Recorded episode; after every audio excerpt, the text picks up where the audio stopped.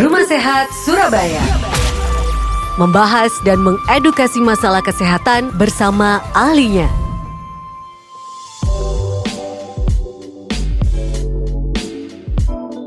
96 FM Mercury, sahabat kalau sudah mendengarkan lagu dari Fadli, uh, Fadli Padi, ingatkan temanmu, ini merupakan lagu ciptaan dari dokter-dokter ID, sahabat mengingatkan kepada kita semua untuk patuh pada protokol kesehatan ya.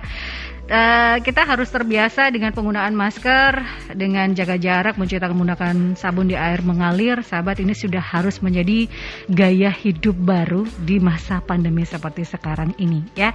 Dan waktunya Rumah Sehat Surabaya hadir menemani Anda sahabat di mana Rumah Sehat Surabaya hadir setiap hari Rabu pukul 11 hingga 12 siang menghadirkan para pakar, para ahli untuk bisa memberikan kita edukasi, informasi seputar kesehatan sahabat. Dan Rumah Sehat Surabaya merupakan hasil kerjasama dengan Ikatan Dokter Indonesia Cabang Kota Surabaya. Dan seperti biasa juga tiap minggu kita memiliki tema yang berbeda. Untuk tema kali ini, sahabat, uh, terkait dengan peringatan World Vitiligo Day 2021 yang akan berlangsung di minggu ini, sahabat. Tapi sebelum kita membahas tentang itu, saya akan menyapa partner saya siaran. Ya.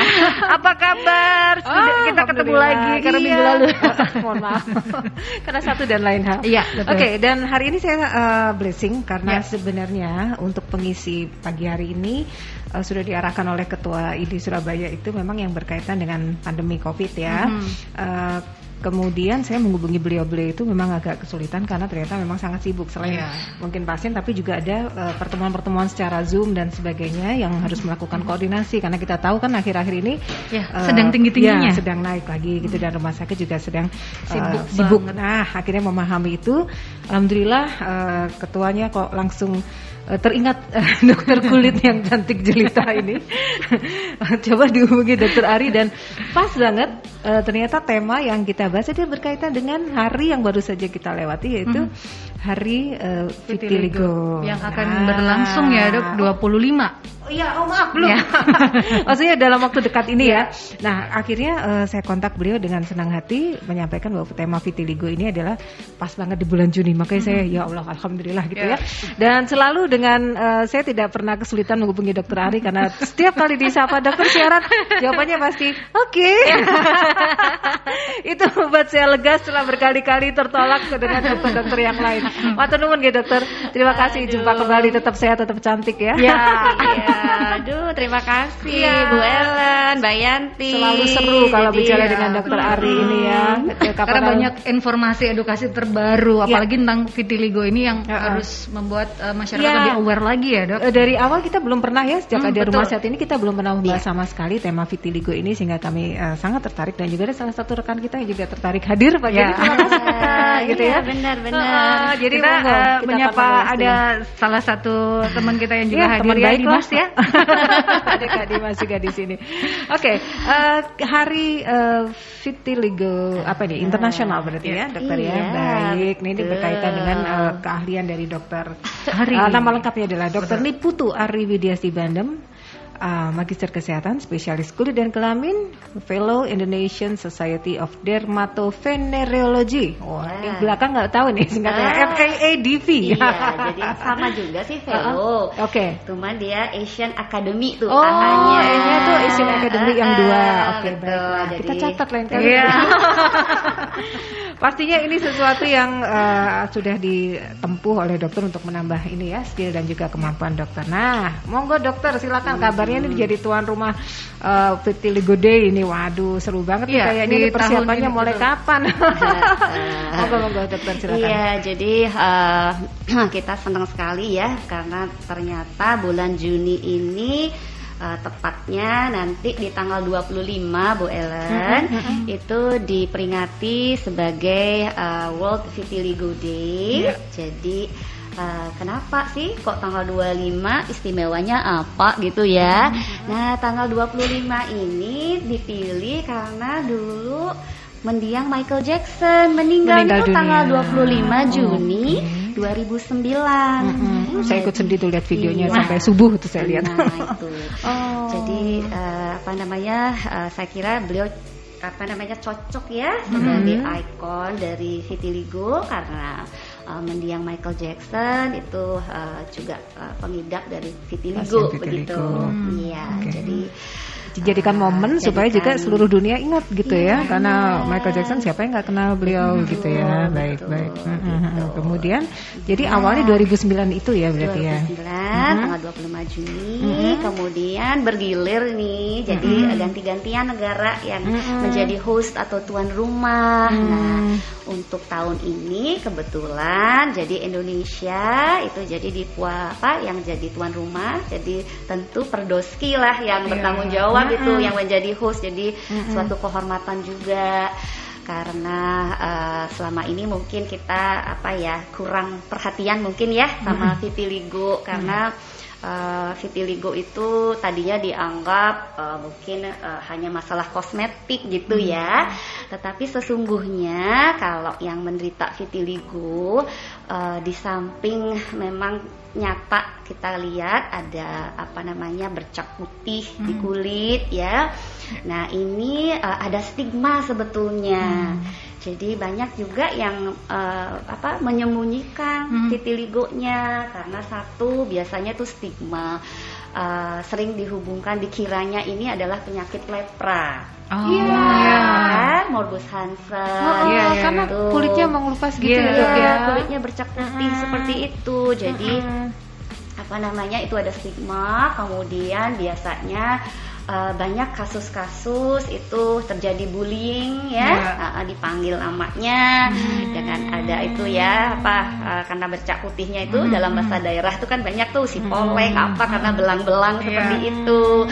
Kemudian bahkan ada uh, apa namanya stigma karena dianggap ini kutukan. Hmm. Itu masih ada di masyarakat. Ya. Jadi uh, apa namanya terutama kalau seorang ibu yang datang dengan anaknya yang vitiligo karena vitiligo ini bisa mengenai anak-anak sampai dewasa sampai hmm. tua. Hmm. Nah, itu biasanya ibu itu merasa bersalah banget. Ada ya, apa ya? Aku melahirkan anak ya? Ini. Kenapa kok ya. anak saya ada penyakit seperti ini? Nah, itu. Hmm. Kemudian kalau yang pas kenanya dewasa kalau misalnya itu uh, kita ada yang sampai cerai, ada hmm. divorce hmm. ya. Oh, ya, yeah. karena bukan hanya uh, apa masalah kulit, hmm. kemudian bisa di rambut, juga di mukosa lendir, apa namanya mukosa atau yeah. kita selaput lendir juga bisa terkena hmm. vitiligo. Nah, itu juga kadang-kadang kalau terjadi di daerah yang intim tadi, hmm. ya mungkin itu ada apa ya? Persepsi begitu hmm. apakah ini menular hmm. takutnya oh, iya, nah, iya, iya, gitu. Iya, iya, betul, jadi betul. ada kasus-kasus seperti itu jadi oh. makanya hmm. uh, tepat sekali sih kita uh, harus semakin apa namanya uh, memberikan gitu. Ya. edukasi memberikan hmm. pengertian karena support dari keluarga untuk penyembuhan daripada vitiligo ini pegang peran banget, ya. banget ya. iya. Hmm, dari keluarga. Hmm. Nah kalau misalnya secara data dokter untuk ya. uh, penderita vitiligo hmm. mungkin secara nasional atau internasional ya. dokter ada data? Hmm. Ya jadi kalau kita lihat insiden atau ke, angka kejadiannya itu berkisar setengah sampai dua persen ya hmm. dari populasi dunia ini oh, itu ada ya. sebetulnya ya. lumayan banyak ya, ya kalau ya, kita ya. hitung jadi worldwide lain itu setengah sampai eh, dua persen hmm. ada yang menderita vitiligo. Cuma itu tadi karena kasusnya itu ya. ada stigma itu hmm. sering hmm. tidak datang berobat, jadi malah hmm. disembunyikan hmm. begitu. Padahal ini bisa disembuhkan gitu ya dok ya. Nanti dibahas juga ya nanti ya kalau ya. mau tanya ya dokter kalau temanya tahun ini apa apa tiap tahun temanya ya, berbeda? Jadi tahun ini itu adalah embrace embracing life with vitiligo ya. Nah, hmm. Jadi apa tuh? Ya, apa embracing tuh uh, hidup damai hidup atau uh, dengan apa namanya vitiligo begitu. Karena saya peringatan Hari Kesehatan yang lainnya juga seperti itu ya sekarang yeah. mulai menghumankan bahwa yeah. orang dengan uh, sakit tertentu Betul. itu sebenarnya yeah. tetap bisa hidup bermasyarakat hmm, dengan bisa baik hidup ya. normal gitu. Iya, ya, ya diterima hmm. oleh masyarakat hmm. harapannya hmm. begitu. Keren juga ya. Yeah. Terus di pasti sibuk-sibuknya dia.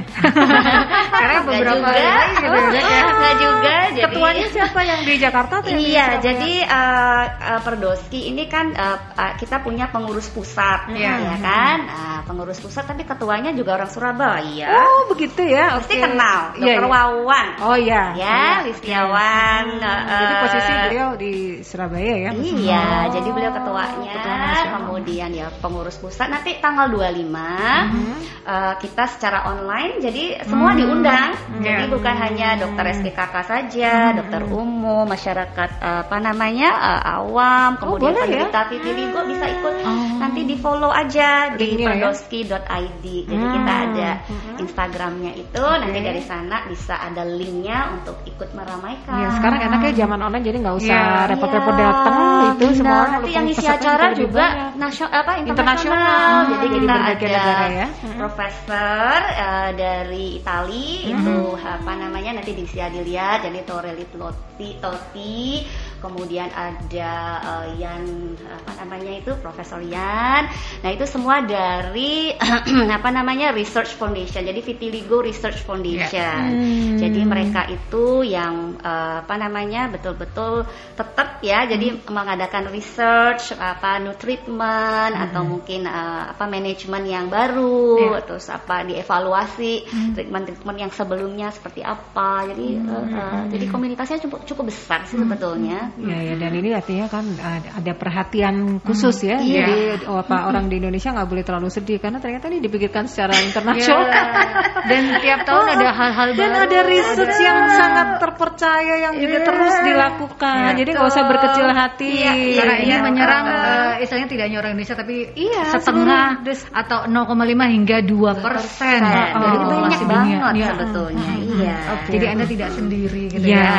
Baiklah mari kita uh, berempati dan ya, dan ini kita nah. sekarang ngomong khusus ini soal ya betul. Kita ngomongin tentang hari vitiligo vitiligo nah yang perlu juga untuk uh, masyarakat tahu vitiligo itu apa, apa? sekarang apa ini? Ya, kita mungkin gitu bisa ya. lihat foto-fotonya ya. kita tahu orang dengan vitiligo tapi apa itu vitiligo uh, ya, betul. Jadi itu suatu kelainan di pigmentasi. Jadi hmm. kelainan dari warna kulit ya. Jadi ditandai biasanya itu ada bercak di kulit berwarna putih. Putihnya itu biasanya kita sebut chalk white. Jadi hmm. seperti kapur loh putihnya hmm. ya. Dan itu biasanya batasnya cukup tegas. Hmm. Jadi bisa kita dengan lihat dengan latar belakang kulit yang lain gitu ya. Hmm. Jadi kalau hmm. terutama nih yang kelihatan banget justru kan orang yang sawo matang atau yeah. yang yeah. tipe kulitnya gelap karena dia kontras kan. Nah, oh, itu. Iya, jadi apa uh, itu kalau misalnya udah lihat sudah tahu lihat Michael Jackson. Yeah. Kemudian kita lihat ada apa namanya foto model yeah. ya yang sangat terkenal dengan vitiligonya. Jadi siapa tuh Winnie uh, uh, Herlo ya, Winnie Herlo. Uh, saya nah, tanya uh, Victoria's Angels gitu ya. Iya. Artinya gitu. Jadi Emang modal terkenal itu ya.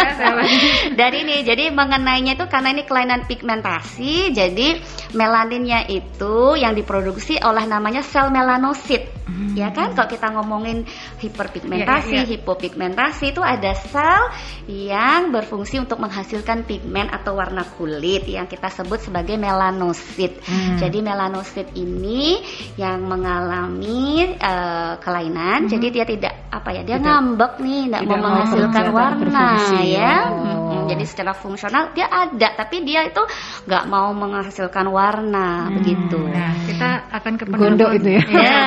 Ya. Akhirnya nah, jadilah warna yang ya. berbeda itu tadi. Ya. Oke. Okay, okay. Ini kita akan ke penelpon terlebih dahulu. Oh, putus. Oh, Oke. Okay. Putus. Ya. Nah, itu kenapa di area-area itu saja, Dok? Iya, uh, jadi sebetulnya bisa mengenai dari ujung aja? kepala, kepala sampai, sampai uh, ujung oh, kaki. Tapi karena oh, terlihat aja kali ya. Nah, oh. jadi dia kulit, hmm. kemudian juga rambut, hmm. dan itu biasa kan kuku. Jadi tiga itu biasanya kalau kulit itu hmm. bisa ya. Hmm. Hmm. Jadi hmm. Uh, sama mukosa tadi selaput lendir kan dimasuk dalam kulit. Jadi hmm. uh, itu yang bisa terkena. Hmm. Dan memang kadang-kadang kita fokusnya kalau lihat orang apa yang dilihat dulu wajahnya. Wajahnya. jadi kayaknya kok cuma wajah yang diserang gitu, iya, padahal iya, banyak. Oh, jadi baiklah. bisa semua yang ada dalam dari, kulitnya. Oh, dari kulit kepala hingga kaki. Kaki, ya. betul. Okay, baik, baik. Kita ke penelpon. Ya. Halo. Selamat siang Merkuri. Selamat siang. Dengan Dewa. Halo. Halo. Iya. Ini dengan Dewa, Mbak. Oh, Oke, okay, Mas Dewa silakan. Terus aku ngecek soal sinyalnya. Lagi apa? mau nanya. Yang pertama itu dok, ini kan Persatuan Dokter Kulit Indonesia ya. Ya. Doski kalau bahasa kalau bahasa Belanda itu oh bukan ya pembohong ya. Uh, apa itu? Uh, apakah kelainan ini bisa bikin mati nggak sih? Itu yang pertama. Kadang kan orang yang wah jangan disepelekan nanti bisa jadi parah nanti bisa mati. Tapi kalau nggak bikin mati ya apa kan nggak harus dipusingkan gitu loh. Hmm. yang kedua itu saya juga setuju doktrin orang-orang dan roasting netizen ini sebenarnya sangat mempengaruhi pembulian yang jadi si uh, pasien atau orang yang mengalami ini merasa tertekan gitu. Ayolah, mulai sekarang saya berharap dokter juga bisa ngasih masukan ke pendengar-pendengar dari Mercury bahwa orang yang aneh, orang yang beda dari kita itu juga normal gitu loh. Kalau mereka ada mayoritas kita termasuk yang nggak normal gitu loh. Harusnya kan harus begitu ya kalau kayak gitu. Jadi mikir orang ada tompel dikit dirasani, gigi bingsul dirasani, matanya ada belekannya dirasani. Kan saya mikir kalau kalian jadi diri mereka gitu loh, apakah kalian nggak merasa jadi manusia gitu? Kan kadang miris loh dok, orang-orang yang selalu membuli, kalau cantik itu harus putih. Emangnya di dunia ini yang diciptakan oleh Tuhan itu putih semua? Kadang kadang begitu ya. Tetapi saya juga miris kalau namanya orang ada tadi kelainan beberapa bercak putih terus bingung. Kan lebih enak bangga ya. Saya sampai mikir, wih putih banget kamu ya, panu sebadan ya, ketawa dia. itu itu maksudnya uh, memuji tapi sambil ngeledekin gitu loh. Orang yang putih aja saya ledekin tapi bukan yang vitiligo bukan. Maksudnya yang cantik beneran gitu loh. Itu salon mana itu kok panunya segitu banyaknya gitu atau gitu. Karena putih kan panu itu. Uh, yang ketiga pertanyaannya apakah penyakit ini dari genetika ataukah juga berpengaruh dari makanan saat lifestyle si embrio ini ibu hamil gitu loh jadi kalau mungkin dari genetika ya bisa tetapi kalaupun orang normal terus anaknya bisa punya itu apakah karena pas hamil itu wah ibu ini waktu itu menjalani hidup seperti ini, oh konsumsi ini. Ternyata jadilah vitiligo. Ya kata Michael Jackson tadi ada ya. ya. Tapi saya lihat Janet Jackson dan kawan-kawannya Jackson Five tidak ada yang kena vitiligo. Hmm. Apakah itu karena kayak hidup atau bagaimana ya? Nah, jadi berharap itu ada masukan. Berarti hampir sama kayak albino nggak dok ya? Tapi kan bukan albino tapi ya. Terus suku-suku itu suku tertentu ada yang punya nggak? Hmm. Apakah semua ras manusia itu mengalami vitiligo atau mungkin oh hanya suku tertentu kayak ada yang autis kan kadang mongoloid ya. tapi apakah terus yang vitiligo itu ada khusus tertentu suku yang etnis yang kena Terima kasih. Ya. Sorry, sorry kelamaan. Selamat siang. Selamat siang. Terima, Terima kasih Mas Dewa. Udah mau dibongkar ya. habis aja. nah, iya. kita uh, akan menjawab pertanyaan dari Mas Dewa nanti ya setelah kita jeda iklan terlebih dahulu oh, dan okay. uh, Anda sahabat masih bisa bergabung untuk bertanya bersama dengan Dr. Ari di sini karena kita temanya untuk hari ini adalah peringatan World Vitiligo Day 2021 ya. Tetap stay tune di Rumah Sehat Surabaya. Rumah Sehat Surabaya akan kembali setelah yang satu ini.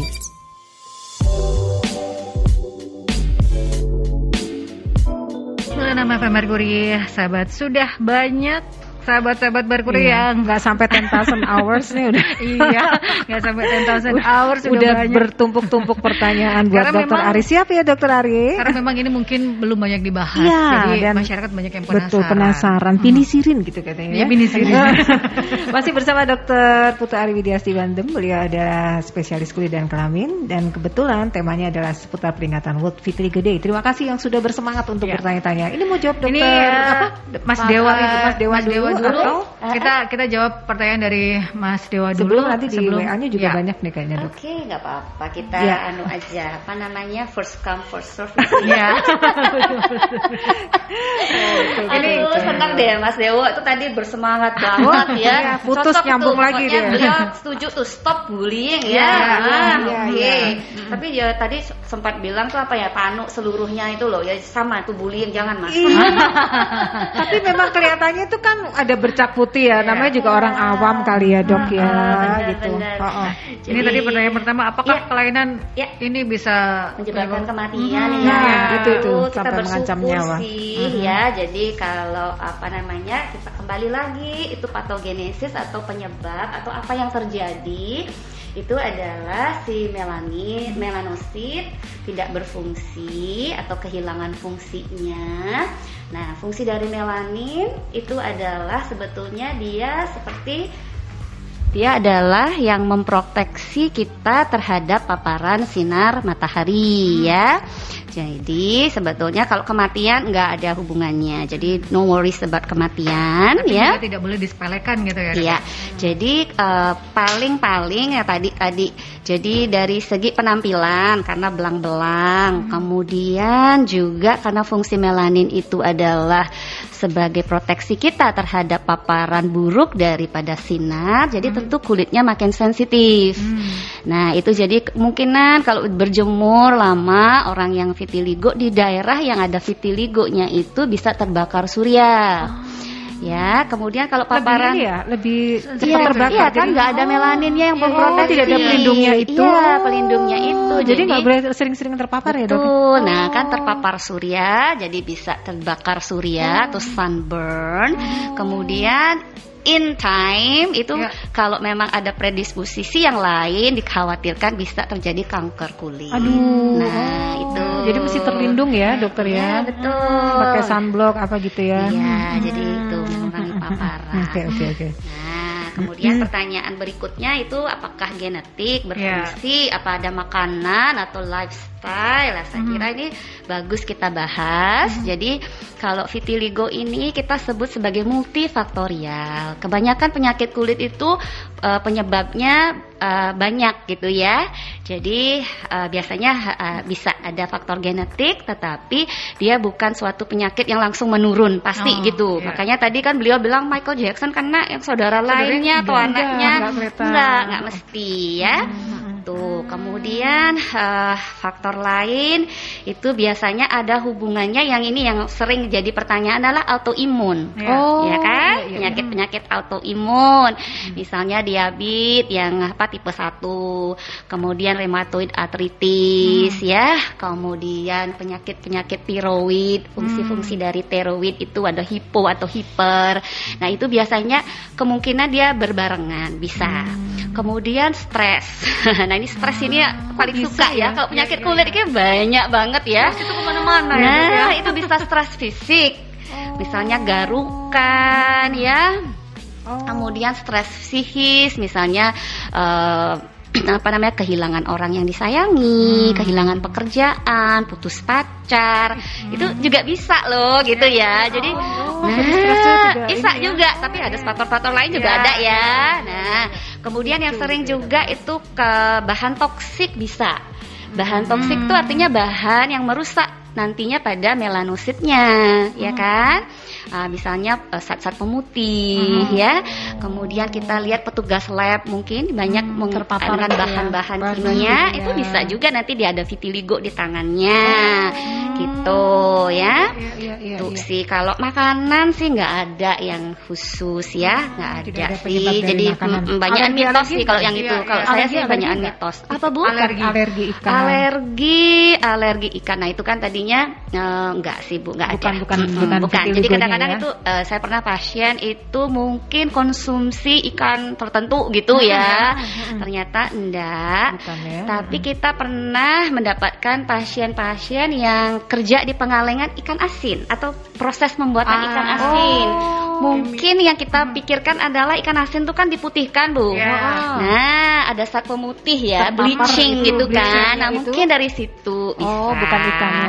Jadi bahan ya, kimianya. Gitu. Oke, okay, baik bahan baik. kimia ya. atau bahan toksik. Bahan toksik. Siap. Gitu. Oke. Okay. Ada lagi? Itu kemudian apalagi ya? Saya ah, kira sama sih tidak dengan albino tadi. Oh iya, albino, pil, uh, albino lain lagi kasusnya ya. oh, ya. Beda ya. Beda. Kalau albino ini memang penyakit yang genetik. Hmm. Jadi dia itu memang dilahirkan tanpa adanya melanin sama hmm. sekali. Oh, sejak lahir. Iya. Oh. Jadi itu kelainan genetik. Jadi tidak ada zat warna sehingga putihnya seluruhnya kan. Ya, Dari ujung rambut putih semua. Hmm. Kemudian yang harusnya iris atau bola mata, mata itu kan ada ya. ya oh. Itu juga putih. Rambut putih, oh. kulit seluruhnya putih oh. gitu iya, iya, iya. Jadi kalau itu sih beda uh, kasus ada pen, Penyebabnya juga beda Betul. ya dok ya. Iya, hmm. iya, iya. Jadi itu. Jadi makanya kan orang bilang apa ya kayak uh, kalau kita penelitian gitu ada tikus yang khusus itu ya, yang albino albino, uh, uh, albino mais gitu ya memang beneran seluruhnya putih gitu. Hmm. Itu juga nggak boleh terpapar matahari terlalu oh, lama. Iya, oh betul. Harus terlindung juga ya. Dia ah, lebih parah lagi kan ya, karena seluruhnya. Betul, iya, betul iya, sekali. Kita akan ke penelpon terlebih dahulu lagi. Ya. Selamat siang Margori. Selamat siang Margori. Dengan? dengan Andi. Oh, baik Pak Andi silakan. Selamat siang, Dok. Selamat siang, Pak Andi. Saya ingin nambah, nambah wawasan tentang kulit ya. Hmm. Yang pertama begini, misalnya ada seorang bayi mulai kecil itu kan dia putih gitu loh. Jadi putih, tapi gede-gedenya kok dia, ya istilahnya kan kecilnya imut-imut, gedenya kok amit-amit. Jadi gedenya itu malah lebih cenderung ke gelap gitu loh. Padahal dipikir-pikir ya dia tidak pernah ngelayap sampai kayak apa gitu kan. Nah itu apa penyebabnya? Yang kedua, sebaliknya, jadi orang tua ini sebetulnya uh, sama-sama kulit kulit terang gitu ya. Hmm. Tapi begitu lahirannya kok lebih kegelap gitu loh. Padahal kan baik ibu sama bapaknya kan nggak ada nggak ada yang seperti itu gitu kan. Hmm. Ya, ini apa penyebabnya? Terus yang terakhir, yang saya tahu begini. Kalau kulit gelap itu kan biasanya di bagian luar karena kena paparan matahari kan. Tapi ini di bagian dalam maksudnya nggak nggak punggung tapi nggak bukan ini daerah lipatan loh ya. Hmm. kalau lipatan kan mungkin karena uh, baju karena itu itu saya paham. Karena memang gesekan apa celana dan sebagainya kan akan terjadi itu. Nah, tapi ini enggak jadi daerah punggung daerah pinggang itu cenderung kegelap. Nah ini apa penyebabnya? Dan untuk memulihkan itu gimana ya caranya? Ya karena kan kadang kalau ya non saya bu kalau misalnya kalau kita mau aktivitasnya mau buka baju entah entah pijit entah apa itu kan kadang malu gitu. Bagi kalau ke dokter mau suntik itu kan kadang ya. Ngomong sama dokternya dulu dok anu ya dok ya ini maaf bla bla ya malu gitu loh. Nah ini kira-kira bagaimana itu? Apakah bisa untuk pemulihan itu? Karena memang dari kerja kan tidak ada tidak ada gen dok apa warna gelap gitu kan. Hmm, hmm. ya kita aja matur nuwun Makasih untuk semuanya, Mas ya. Ya, siang, terima kasih Pak Andi. Nah, kita keep dulu pertanyaan dari Pak Andi. Kita uh, sambung ke pertanyaan Mas Dewa tadi terakhir. Apakah ini berhubungan vitiligo ini berhubungan dengan suku tertentu iya. atau ras tertentu? Oke, okay, hmm. baik ya. Jadi uh, apa namanya untuk vitiligo ini uh, tidak ada ya. Jadi predisposisi suatu ras tertentu. Jadi semua bisa kena. Hmm. Tadi makanya ini seluruh dunia tuh bisa. Yeah. Hanya karena dia kan warna putih putih. Hmm. Jadi lebih kontras kalau tipe kulitnya gelap. Hmm. Jadi makanya kalau yang kita sawo matang yeah. ya, kemudian yang afro hmm. ada jadi tipe kulitnya yang lima gitu. enam gitu, ya. ya. Hmm. Nah itu kan jadi lebih kontras, hmm. jadi bisa nampak lebih. Padahal kalau mungkin yang Caucasia, bule gitu juga ada vitiligo, cuman dia lebih samar karena kan nggak hmm. kontras sama warna kulit aslinya. Yeah, yeah. Hmm gitu. Jadi yang lebih terlihat adalah yang uh, misalnya kulit gelap gitu ya, ya dok. Betul, hmm. betul. Jadi tidak tidak ada suku tertentu atau ya, ras tertentu, semua bisa. Semua ya. Kita okay. ke pertanyaan melalui WhatsApp dok. Ini dari ya. Mbak Nia. Dok, okay. apakah vitiligo bisa disembuhkan dan ah. apakah penderita vitiligo tidak boleh divaksin terutama yang mengalami nah. autoimun? Waduh, kan sudah benar kan tadi kan. Datang juga ah, gitu ya. Iya. Luar biasa. iya, luar biasa Mbak Nia. Terima hmm. kasih pertanyaannya. Jadi kita uh, bahas dulu tentang uh, treatment ya. Jadi tentang uh, penata laksanaan dari vitiligo itu kita terapi uh, sebenarnya tujuannya tiga nih. Hmm. Satu itu adalah untuk mengurangi atau membatasi atau supaya tidak menyebar atau meluas. Memang vitiligo tidak menular dari satu orang ke orang lain, hmm. tapi tapi si empunya itu bisa jadi nanti meluas. Yang tadi ukurannya oh. cuma satu senti kali satu senti hmm. gitu. Tapi dia melebar meluas. Kemudian mengenai daerah-daerah lainnya. Tadi mungkin yang kena pertama punggung. Kemudian uh, apa namanya uh, bisa kena uh, bagian tubuh yang lainnya melebar gitu, gitu ya dok melebar meluas pada yang menderita hmm, itu durasinya bisa uh, cepat lambat atau gimana? Nah itu. Jadi uh, tidak ada ini ya. Uh, artinya bisa dia stable, jadi dia dalam dua tahun itu kita lihat ya sudah segitu aja. Mm-hmm. Tapi ada juga yang perluasannya cepat begitu, mm-hmm. yang tadinya cuma di lengan gitu, totalnya mm-hmm. sudah hampir semua oh. tubuh kena mm-hmm. gitu. Jadi treatmentnya satu itu kita supaya dia nggak meluas mm-hmm. kan. Kemudian yang kedua itu tujuannya adalah repigmentasi kita mm-hmm. sebut. Jadi kita mengusahakan untuk kembalinya warna kulit itu lagi gitu yeah. ya kembali. Jadi makanya repigmentasi. Nah, uh, kemudian yang ketiga yang nggak kalah penting itu adalah relapse. Hmm. Kita cegah supaya dia nggak relapse karena banyak sekali kasus di mana dia sudah bisa uh, repigmentasi, yeah. jadi warna kulitnya kembali gitu ya. Tapi nanti karena ini adalah suatu multifaktorial, kemudian ada apa tadi imun ya, hmm. mendeteksinya sebagai sesuatu yang salah. Nah itu bisa kembali lagi jadi makanya treatment yang benar itu adalah tiga tadi harus kita kerjakan. Hmm. Jadi satu supaya dia nggak meluas. Yeah. Oke. Okay. Makanya kalau saya sarankan begitu ada uh, kelainan sedikit, nah itu cepetan aja berobat hmm. karena itu akan makin cepat bagus prognosisnya. Hmm. Kemudian ya repigmentasi ini macam-macam caranya Mbak Nia. Jadi uh, apa namanya?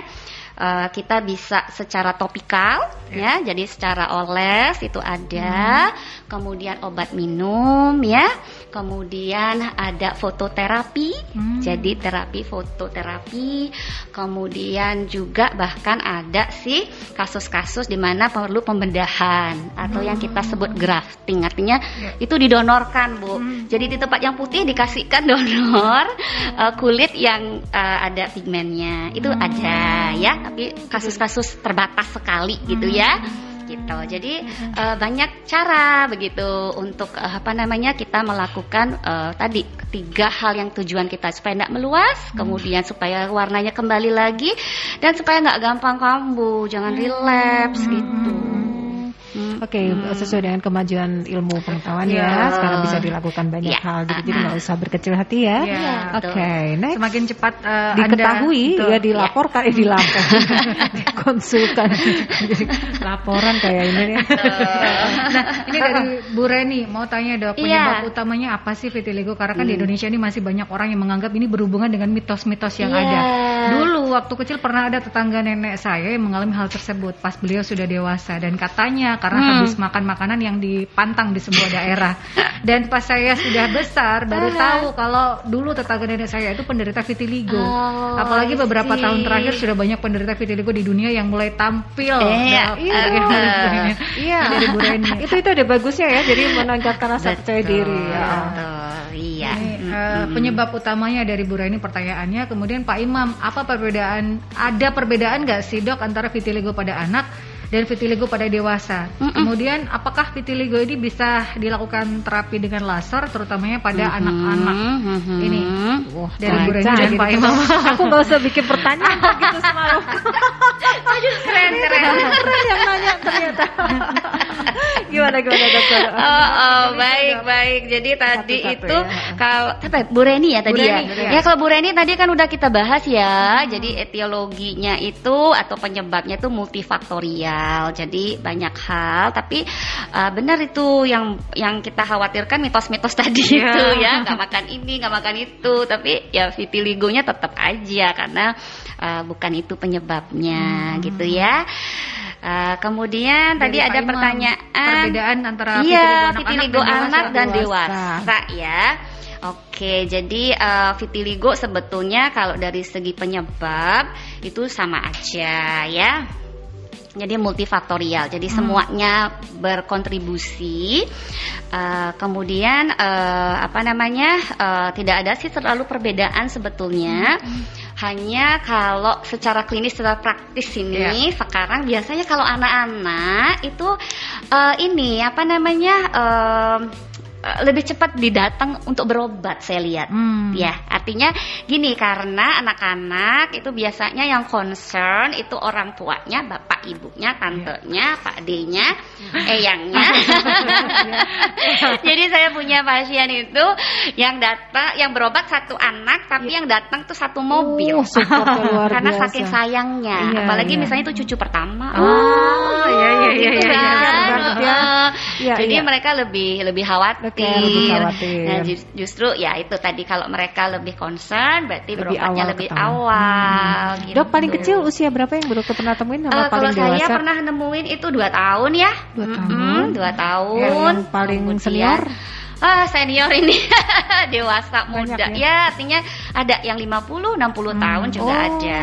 Jadi Tapi biasanya kalau lewat itu udah nggak terlalu bingung. Hmm. Karena mungkin nggak penampilan ya tadi ya. ya. ya. Uh, hmm. Jadi uh, yang lebih banyak gak, concern yang usia lebih muda ya. Ya benar okay. yang sedang bekerja lah hmm. ya hmm. itu hmm. mungkin usia produktif usia ya. Usia produktif hmm, baik. banyak ya. ketemu orang gitu. Ya.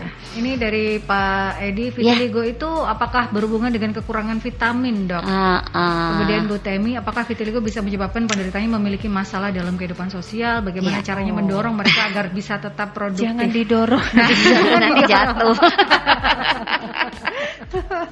Aduh, iya iya seru ya. Mendukung, ya. ya, oh, seru seru. Jadi kita uh, uh, harus bahas lagi si penata laksanaan tadi yeah. kayaknya masih bingung. Tadi soalnya kalau nggak salah tuh ada yang nanya terapi laser loh, gaya Iya, iya. Uh, ada ada ada laser.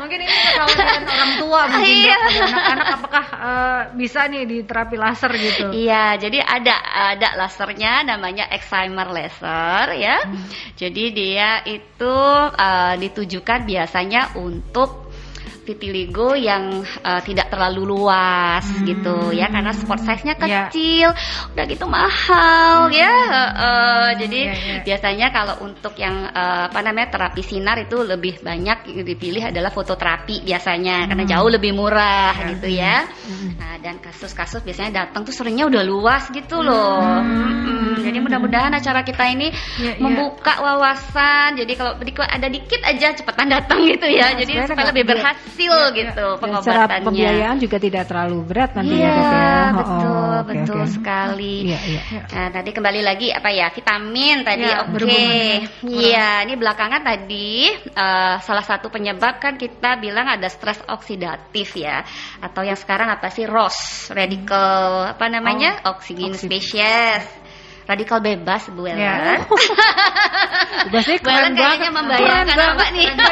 Sesuatu padahal kita sering denger ya. Iya, iya, iya, iya. Nah, itu radikal bebas. Oh. Nah, oleh karena itu biasanya uh, apa uh, artinya dianggap tubuh itu kurang sebenarnya tubuh kan mempunyai kemampuan ya untuk yeah. menangkal radikal bebas, tetapi mungkin pada melanosit atau keratinosit orang ini dia mengalami kegangguan fungsi hmm. sehingga kadang-kadang ada yang tambahkan itu yang banyak adalah mungkin seperti sekarang lah vitamin D ya oh, yeah. nah sehubungan dengan covid itu hmm. nah dianggap itu fungsinya kemudian ada yang uh, analog vitamin D uh, topikal itu juga yang bisa dioleskan hmm. di vitiligo sehingga merangsang kembali repigmentasi hmm. begitu. Hmm. Hmm. Jadi uh, memang uh, ada hubungannya tapi tidak menjadi uh, penyebab utama seperti itu yeah, ya Pak Edi ya. Iya, iya, iya nah, betul. ini Bu Temi apakah vitiligo bisa menyebabkan penderitanya memiliki masalah dalam kehidupan sosial? Yeah. Dan caranya ini yang bisa nah, iya, justru ini yang jadi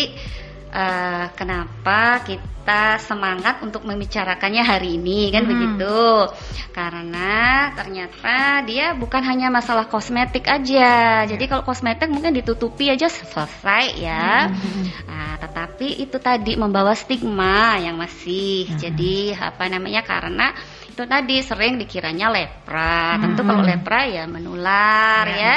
Sehingga orang uh, apa kepercayaan dirinya atau self esteemnya juga turun hmm. uh, uh, gitu.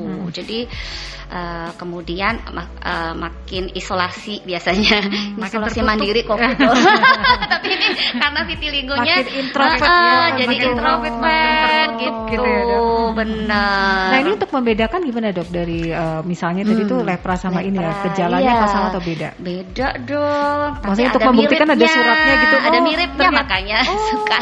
Kan karena bercak putih. Yeah. nah, bercak putih ini uh, banyak masih uh, apa namanya penyakit-penyakit lain juga memberikan bercak putih. Mm -hmm. ya jadi bercak putih nah kalau kita ngomong putih tadi kan kalau dokter Ali udah bilang di awal sebenarnya putihnya adalah seperti kapur putih yeah. plak gitu ya hmm. nah kalau yang misalnya seperti lepra itu bisa ada bercak putih tapi putihnya itu gradasinya lebih uh, apa namanya uh, uh, hmm. lebih apa tidak seperti tidak seterang iya oh. tidak seperti kapur gitu ya kapur kemudian dia ada gejala lain dia ada mati rasa kalau yang lepra kalau yang oh, lepra, lepra. Oh. karena kan selain kulit yang diserang oleh mycobacterium yeah. lepra adalah sarafnya. sarafnya. Oh, okay. Jadi kalau ada bercak putih, kemudian hmm. dia mati rasa, hmm. nah itu harus cepat juga berobat hmm. karena mungkin dia suatu penyakit lepra. Hmm. Begitu. Oke, okay, itu pembedanya ya ternyata ya. Hmm. Baru tahu juga kita ya. ya.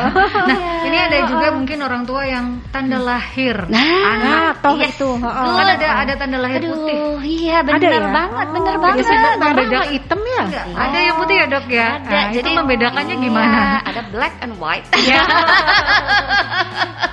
okay, okay. Jadi toh yang kita kenal Bu Ellen biasanya kita bahas toh yang hitam ya Bu. Merah, nah, ah, toh hitam, toh merah juga hmm. ada. Nah kalau ini yang toh putih itu namanya nefus. Kan nefus oh. itu tanda lahir nefus hmm. anemicus. Hmm. Jadi dia atau uh, apa nefus dipigmentosus. Jadi dia dari lahir sudah punya toh warna putih. Hmm, Oke. Okay. Nah, Tapi itu, itu tidak menyebar ya, eh, tidak luas Enggak, ya. Jadi dari kecil sudah ada dan itu ya sudah segitu hmm. aja. Seperti hmm. toh lainnya, cuman hmm. warnanya putih. Hmm. Jadi orang tua jangan terlalu wah iya. putih ya. nih, nah langsung khawatir gitu. Jadi kalau memang tidak menyebar, ya ah, itu memang iya. tanda lahir gitu ya, ya dok ya. Iya, gitu. iya, Jadi iya. jangan khawatir ya, uh, jangan uh, jangan berdek dulu. Berdek dulu. Karena berdek dulu terus ke dokter dong. Oh, dipastikan. Pastikan ya dok ya. Apakah di tempat lain ada daging? Betul, betul.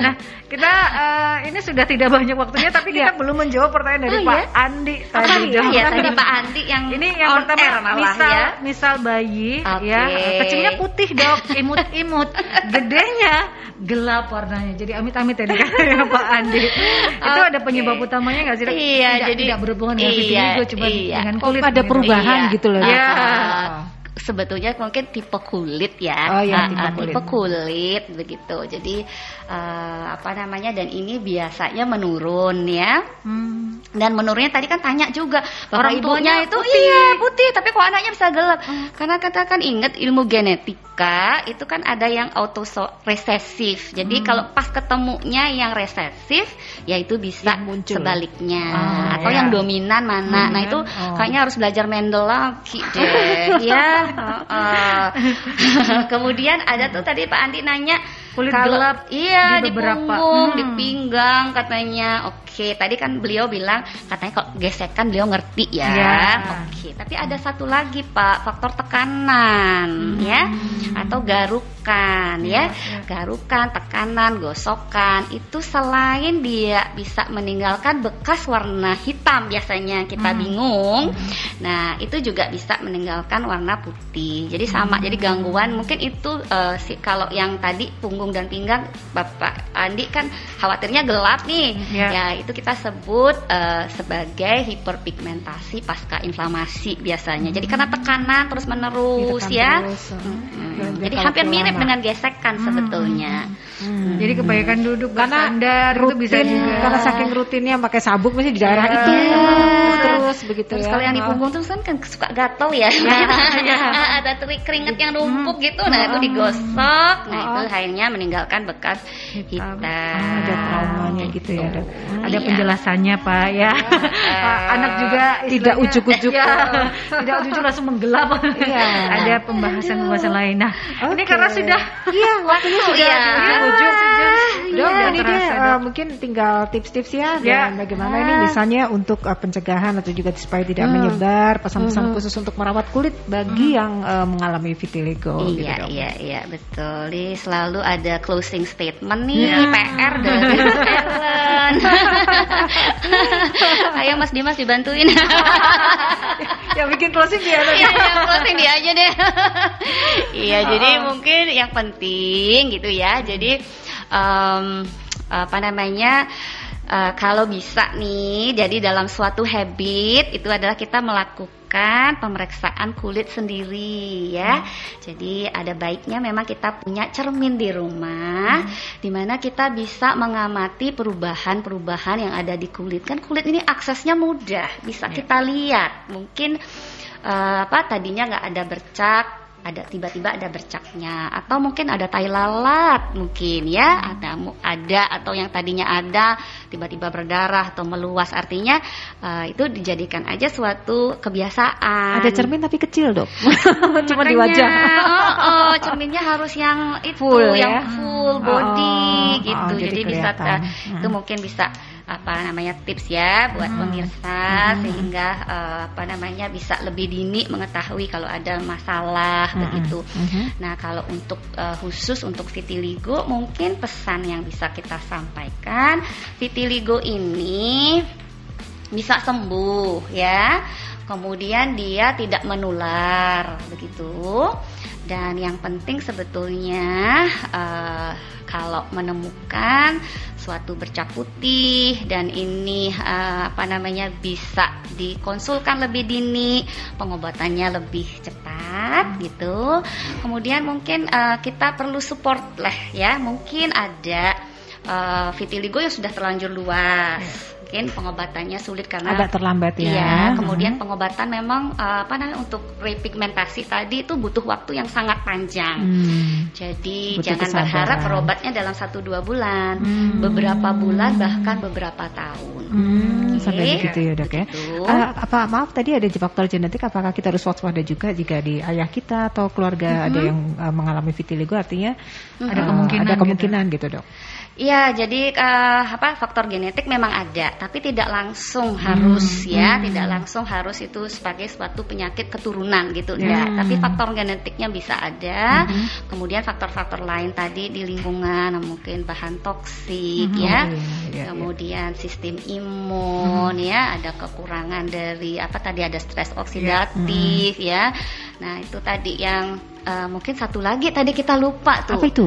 Yang autoimun oh, boleh ya. autoimun. Oh iya boleh oh, iya. Itu kayaknya itu boleh deh berhubungan dengan COVID itu ah, kan. Uh, uh, uh, jadi guidelines uh. atau rekomendasi dari Perdoski. Jadi untuk vitiligo itu boleh. Oh, ya, aman ya, boleh ya? aman.